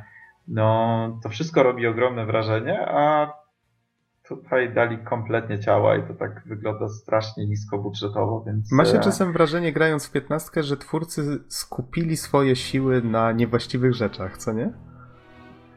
Znaczy, N- się, niby jest to piękne, mieli... ale... Mhm, oni z jednej strony tak, to na pewno, w jakiś tam zły sposób e, tymi zasobami swoimi e, zarządzali, no i widać tutaj, że po prostu gdzieś, gdzieś dali ciała w całym tym e, pomyśle na tym, na, na, nad czym ile czasu spędzą. Widać, że pewne elementy są e, zupełnie niedopracowane i na zasadzie takiej, że o kurde, mamy tydzień do wydania gry, a szanić to, olać ten element, zróbcie tak, żeby chociaż działało, nie? Więc to niestety widać bardzo, bardzo często. Gra też dostała swój patch Day One, którego miało nie być, ale oczywiście wiadomo było, że będzie i, i był dosyć duży. E, przy czym no, nadal, nadal ta gra nie pozbyła się swoich pewnych problemów, więc mamy tak bardzo, bardzo dziwne, dziwny zlepek z jednej strony świetnie przemyślanych i świetnie zrobionych pewnych elementów, a zaraz obok mamy coś, co wygląda jakby było wrzucone przez jakieś grono stażystów w ciągu tygodnia, więc e, e, no tutaj już przechodzę do takiej konkluzji za wcześnie, ale, ale w oprawie też to widać po prostu, że to, to jest coś, co widać praktycznie w każdym elemencie gry, czyli w budowie świata, w, w pacingu, w fabule, w postaciach, w w bardzo, bardzo wielu rzeczach i widać to też poprawie i tak naprawdę cała gra stoi tymi, tymi nierównościami. Chociaż jako taka wygląda bardzo ładnie. Mnie wiele widoków się podobało. Nieraz się zatrzymywałem, żeby sobie faktycznie popatrzeć na, na widoczki w różnych porach e, dnia czy, czy nocy. I jeżeli miałbym się do czegoś tak graficznie przyczepić, najbardziej zwróciły moją uwagę odbicia w wodzie, ale może to takie zboczenie zawodowe już powoli. Kolega w pracy zwrócił drogą te, mi na to uwagę. Swoją drogą te, te, te odbicia w wodzie wyglądały dużo lepiej w pierwszym demie, więc jestem ciekaw, dlaczego oni zdecydowali się na taki krok w tył. E, optymalizacja ale prawdopodobnie. Chyba, e, prawdopodobnie tak, ale chyba Digital Foundry wydaje mi się, że robiło materiał na ten temat i tam było porównanie y, graficzne właśnie epizod Dusker, czyli tego pierwszego dema y, z ostateczną wersją gry i oczywiście całość gry się zmieniła dosyć mocno stylistycznie, poszli w taki bardziej realistyczne klimaty, ale ta woda, no to tutaj nie ma pola do dyskusji, ona po prostu wygląda dużo gorzej w ostatecznej produkcji to żeby może troszeczkę wytłumaczyć, o co właściwie chodzi z tym odbiciem, yy, zwróćcie uwagę, że na krańcach ekranu, bardzo daleko od krańców ekranu, odbicie już znika. To jest właściwie normalne w tej technice renderingu, ale akurat ten odstęp od krańców jest bardzo duży. I druga rzecz, jeżeli coś jest y, między wodą a nami, też się odbija w wodzie razem z elementami, które są powiedzmy za wodą, czyli góry. Więc jak mamy góry, woda, lampa przed nami i bohater, to nagle widzimy, że ta lampa odbija się razem z górami w taki dość komiczny sposób. No nie wygląda to estetycznie ładnie. No ale dobra, pomijając to, bo to myślę, że bardzo dużo osób w ogóle nie zwróci na to uwagę uwagi. E, I tak wydaje mi się, że to najbliższa fotorealizmowi gra z serii Final Fantasy, jaka do tej pory wyszła, pomijając te, te takie wpadki różnego rodzaju. I... Nie, no zdecydowanie, wiesz, tutaj Nox, to może tylko daj mi jeszcze jedno zdanie powiedzieć, żeby tutaj nie wywołać jakiegoś złego e, mhm. wrażenia wśród słuchaczy. E, ta gra wygląda zdumiewająco. Miejscami jest naprawdę przepiękna, szczególnie w trybie Pro, Pro na PlayStation 4 Pro. E, gdzie te odbicia na lakierze deszczu, czy odbicia właśnie jakichś mm, świateł, czy to jak wygląda oświetlenie w nocy, no to wygląda po prostu przepięknie, zdumiewająco, więc yy, yy, poczynili naprawdę bardzo dużo, duży progres względem tego, co było wcześniej zaprezentowane, szczególnie, że gra działa dosyć, dosyć płynnie. No ale chodzi mi właśnie o takie pojedyncze wpadki, właśnie tak jak ten lip który jest bardzo kiepski, ale e, oczywiście tutaj zgadzam się z Tobą, że gra wygląda naprawdę przepięknie i sądzę, że jest to jedna z najładniejszych gier e, na PlayStation 4 aktualnie. Mhm. No, to dobrze, że to dodałeś, bo faktycznie tak, tak jedziemy, jedziemy po tej grze i może warto by było dać jej chociaż plusa za to. E, I myślę, że warto dać jej też plusa za muzykę. Dobrze, dobrze, że zanotowałeś, że odpowiada za nią Yoko Shimomura, znana m.in. z y, muzyki do serii Kingdom Hearts i muszę przyznać, że, że faktycznie ten soundtrack do 15 brzmi bardzo ładnie. Co prawda bardzo patetycznie w wielu miejscach, czasami przesadnie, bo na przykład już pierwsza walka, wychodzimy ze stacji benzynowej na początku gry i mówią nam, ej, idźcie ubić trochę skorpionów tam po drugiej stronie drogi, co swoją drogą jest o tyle dziwne, że kurde, co to za świat, gdzie wystarczy pójść dwa kroki i już cię zjadają wielkie skorpiony, nie? Idziesz ubić te skorpiony i nagle muzyka się zmienia tak, jakbyś walczył z ostatnim bossem, do, do, do, do, do, wow, wow, co się dzieje, co nie? Ale soundtrack jako tak, taki jest cała piękny. orkiestra za plecami i tak dalej. Tak, tak, co, dokładnie. Co, co, to za światy, pytasz? Wystarczy do Australii przylecieć się, no. Pająki wielkości talerzy, nie? Z kostkami życia. Mm, ale tak, e, tutaj, tutaj muszę powiedzieć, że e, Yoko Shimomura dała radę i na szczęście ten soundtrack nie brzmi jak kalka Kingdom Hearts, czego bardzo się bałem, bo e, mam wrażenie, że ona przez to, że cały czas pracowała przy muzyce do kolejnych części serii Kingdom Hearts, no troszeczkę ten jej taki mm, styl popadł w taką mm, rutynę, taki stał się bardzo jednolity i nieciekawy, szczególnie, że jakoś nigdy akurat muzyka z, e, z tamtej serii mi nie, nie podpasowała za mocno. Tak tutaj, no rzeczywiście, szczególnie muzyka z walki daje radę, ale ta te różne utwory muzyczne, które słyszymy w, ciągu, w czasie eksploracji, czy, czy w różnych miastach i tak dalej, może nie są jakieś bardzo takie mm, popadające, zapadające w pamięć na stałe, ale na pewno nie drażnią, więc to jest duży plus. Ale muzyka z walki jest rewelacyjna. Znaczy, rewelacyjna. Chociaż tak jak mówisz, no jest taka bardzo, bardzo mocno pompatyczna. Mhm. To już podsumowując, może najpierw taka informacja, ile mniej więcej zajęło nam ukończenie gry. W moim przypadku było to 35 godzin, przy czym ja wykonałem ponad 40 questów pobocznych, bo dostałem za to trofeum. Jeszcze jest jedno za 80, więc jest ich dużo więcej. E, surfer, z tego co pamiętam, ty w około 30 godzin niecałe skończyłeś. Ja myślę, że 32 godziny miałem na liczniku. Przy czym około 1 trzecia, wydaje mi się, że około 1 trzecia tego czasu to jest właśnie ten taki liniowy finał, który już zasuwa przed siebie fabularnie. Tak, tak, więc yy, ta, ta końcówka zdecydowanie była bardzo krótka. No i sama gra jest krótka, no nie da się ukryć, yy, że tutaj yy, zdecydowanie twórcy starali się wydłużyć sztucznie tę grę, dając nam dziesiątki, czy może nawet setki e, questów, e, które no niestety są bardzo proste i nijakie, więc e, nie są zbyt dobrym zapychaczem.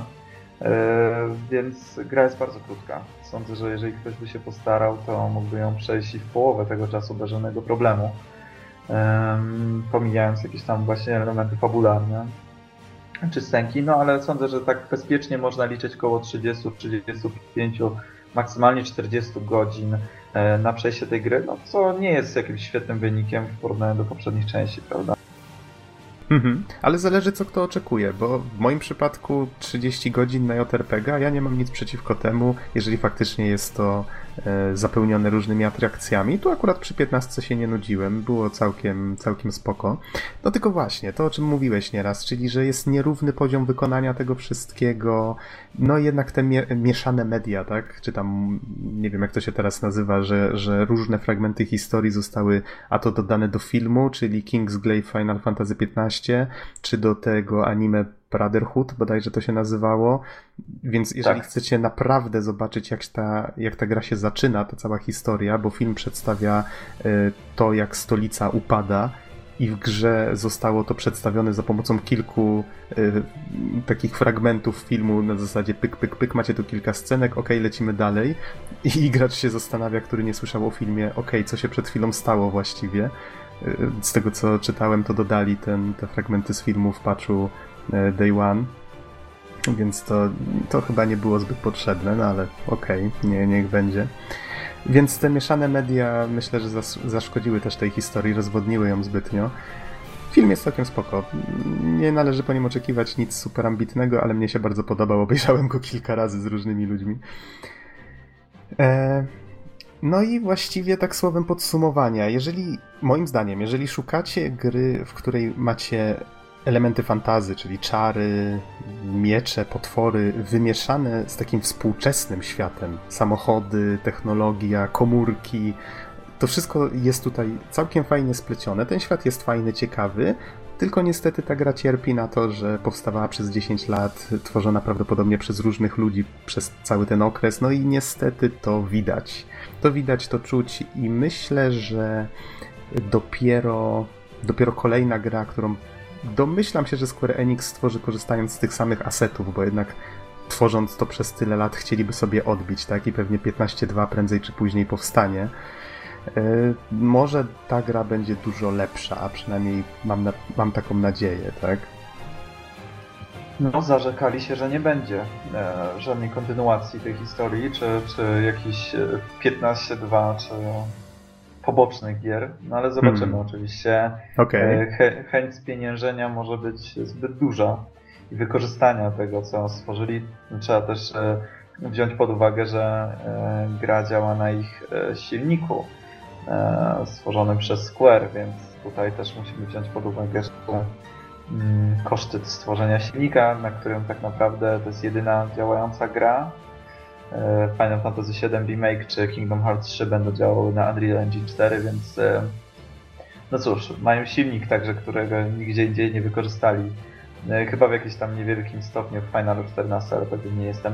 No w każdym razie, żeby już nie, nie za bardzo schodzić na jakieś tam kwestie techniczne czy poboczne, już żeby skupić się na samej grze. No to jeszcze, jeszcze surfer, mhm. nim, nim przejdziesz do tego swojego podsumowania, to do ciebie, jako do osoby, która przeszła znacznie więcej finali ode mnie, zawrzyj proszę w tym podsumowaniu to, czy według ciebie, e, czy poleciłbyś piętnastkę komuś, kto nigdy nie grał w żadnego finala, a jeżeli nie, to jakie części na przykład byś polecił na początek? Myślę, że to byłby fajny dodatek do zakończenia tej recenzji. Hmm. A, trudne pytanie. bardzo trudne i bardzo zaskakujące. Szkoda, że nie, nie dałeś mi troszeczkę więcej czasu na pomyślenie. Tam, tam, Wiesz, tam. E, jeżeli ktoś chce poznać tę serię, grę z serii, która w jakiś sposób ukształtowała całość tej serii i mm, była naprawdę ważna, to raczej, raczej nie polecałbym tej części, bo ona nie jest żadnym tam odzwierciedleniem tej jakości które Square, Squaresoft czy Square Enix e, w swoich tam pierwszych latach e, nam dawało, więc osobiście poleciłbym na pewno inną część, dlatego że zdecydowanie Final Fantasy XV nie jest dla mnie najlepszą częścią, nie jest nawet top 5 prawdopodobnie, więc to zależy, to zależy tak naprawdę co kto lubi. Jeżeli ktoś naprawdę bardzo chciałby czegoś świeższego w otwartym świecie, czegoś troszeczkę innego niż na przykład Wiedźmin czy kolejny Dragon Age, e, to być może jest to dobry pomysł, ale z drugiej strony też bałbym się, że zarekomendowałbym komuś taką grę. Ej, zobacz, to jest Final Fantasy i klasowa by przeszła po 30 godzinach, podeszła do mnie. Hmm, w sumie z tej historii niewiele zrozumiałem. Właściwie to kim był ten człowiek? Ta drużyna nie miała E, nic ciekawego do zaoferowania i w ogóle było, nie wiem, scenek może z godzinę w ciągu całej gry i do dupy to Final Fantasy i wiesz, i mogłaby taka osoba się odwrócić w całej serii. No, ja, ja zawsze tam polecam Final Fantasy X albo Chrono Triggera na start. Um, przy czym Chrono Trigger nie jest częścią Final Fantasy. Czyli, przy czym tak, ale oczywiście jeżeli ktoś na przykład chciałby zacząć grać w RPG, to uważam, że to jest bardzo fajna gra do rozpoczęcia e, swojej przygody. E, ale e, czy jeszcze coś było zawarte w Twoim pytaniu? Sorki, że może trochę się rozkojarzyłem, ale, ale mamy późną już porę. E, no nie, myślę, że odpowiedziałeś w nie w pełni. Tak, tak więc może jeżeli chodzi o moje zdanie na temat tej gry, to znowu, to jest tak jak w przypadku całej tej gry. Mamy bardzo dużo nierówności i w wykonaniu i tak dalej. Tak samo ja mam bardzo dużo nierówności w swojej głowie, jak myślę o tym, jak ocenić tę grę. Z jednej strony bardzo wiele elementów mi się bardzo podobało. Bardzo mi się podobał klimat, tej, ten taki amerykański. E, bardzo mi się podobała muzyka, podobał mi się momentami system walki.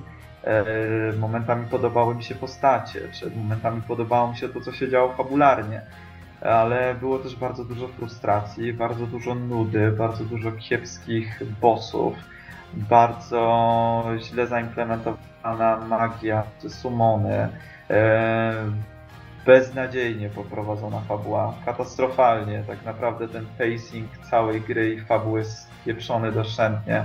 Ale 13 e, było gorzej. tak 13 było gorzej, przy czym, e, przy czym było więcej chociaż tej fabuły. Może ona nie była jakaś najwyższych lotów, ale, ale przynajmniej miało się takie poczucie, że to, co się dzieje na ekranie, jest w jakiś sposób ważne. Tutaj zdecydowanie nie miałem takiego poczucia. Tutaj ktoś ważny umierał, po czym po 5 minutach wracamy do strykania sobie selfie gadania o pierdołach i o podrywaniu Cindy. I dostania więc... napisu completed za quest i trofeum wrogu, który kompletnie burzy tak, całe napięcie. ktoś umarł. Ping! Mamy trofeum, dokładnie tak. To było Więc, takie smutne. E, jejku, to jest... Ja, ja, się czuję tak fatalnie, że ja muszę jeszcze dokończyć pisanie recenzji do tej gry, bo... E, Pisemnej recenzji naprawdę, znaczy. Tak, jest, jest piekielnie ciężko, ciężko tak jednoznacznie określić. Z jednej strony, mówię, też się przy niej dobrze bawiłem. Nawet już po zakończeniu gry w wolnych chwilach siadałem i grałem. E, wykonywałem sobie jakieś tam questy, gdzieś tam sobie biegałem, bo w takich niewielkich ilościach bardzo fajna jest ta gra. Przy czym jako całość i jako Final Fantasy wyszło to kiepsko. Nawet jako gra tak naprawdę wyszło to kiepsko według mnie. Wyszedł taki e, dziwny twór bez jednej konkretnej wizji, z takimi pozlepianymi na, na szybko pomysłami pojedynczymi, które są naprawdę fajne, ale tak naprawdę to wszystko nie trzyma się kupy. Więc patrząc na to, jak wyglądały trailery na przestrzeni ostatnich lat i jak wydaje mi się, że twórcy obiecywali nam na podstawie tych trailerów jakąś tam historię bardziej polityczną, troszeczkę też bardziej okazującą e, więź między różnymi postaciami. E, widzieliśmy wiele scen, które się nie pojawiły w ostatecznie. No to, no to czuję się zawiedziony, no nie da się ukryć, że E, wydaje mi się, że jeżeli Square kiedyś się zdecyduje na Final Fantasy XVI w otwartym świecie, to zrobi to dużo lepiej. I że Final Fantasy XV był takim pierwszym ich krokiem w coś nowego i bardzo ambitnym krokiem. Ale mam wrażenie, że troszeczkę ta cała idea i, i ambicje po prostu ich przygniotły. No i niestety to widać praktycznie w każdym elemencie tej gry. I wydaje mi się, że możemy tym akcentem skończyć recenzję. Przykro mi, że tak bardzo pesymistycznie w ogóle, ja nie wiem, może świątecznie zaśpiewamy kolendę i będzie fajnie, ale ale chyba, nie wiem, chyba nie mam jakoś zbyt wiele pozytywnego do powiedzenia tak naprawdę. Mimo tego, że jakieś tam kilka godzin było fajnych, to, to jednak było to rozczarowujące. Mhm.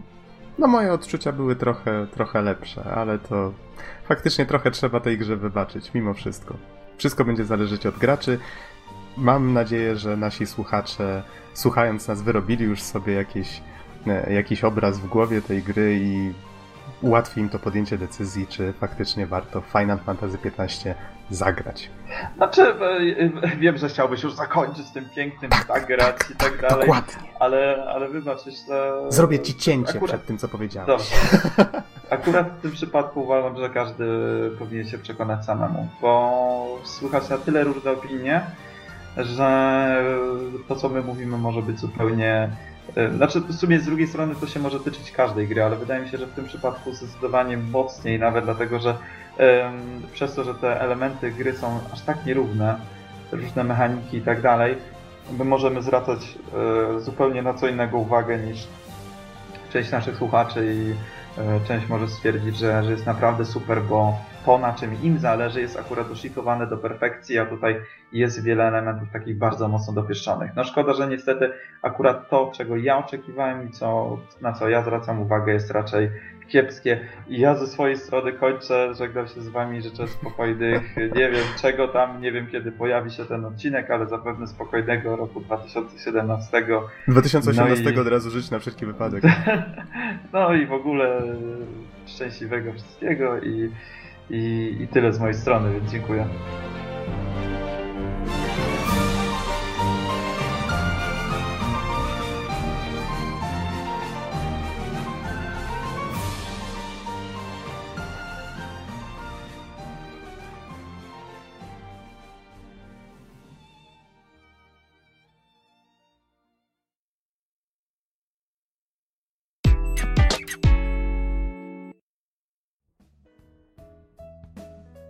To już wszystko na dzisiaj. Dziękujemy Wam bardzo za uwagę i do usłyszenia w następnym odcinku. Trzymajcie się. Na razie. Cześć. Hej, hej.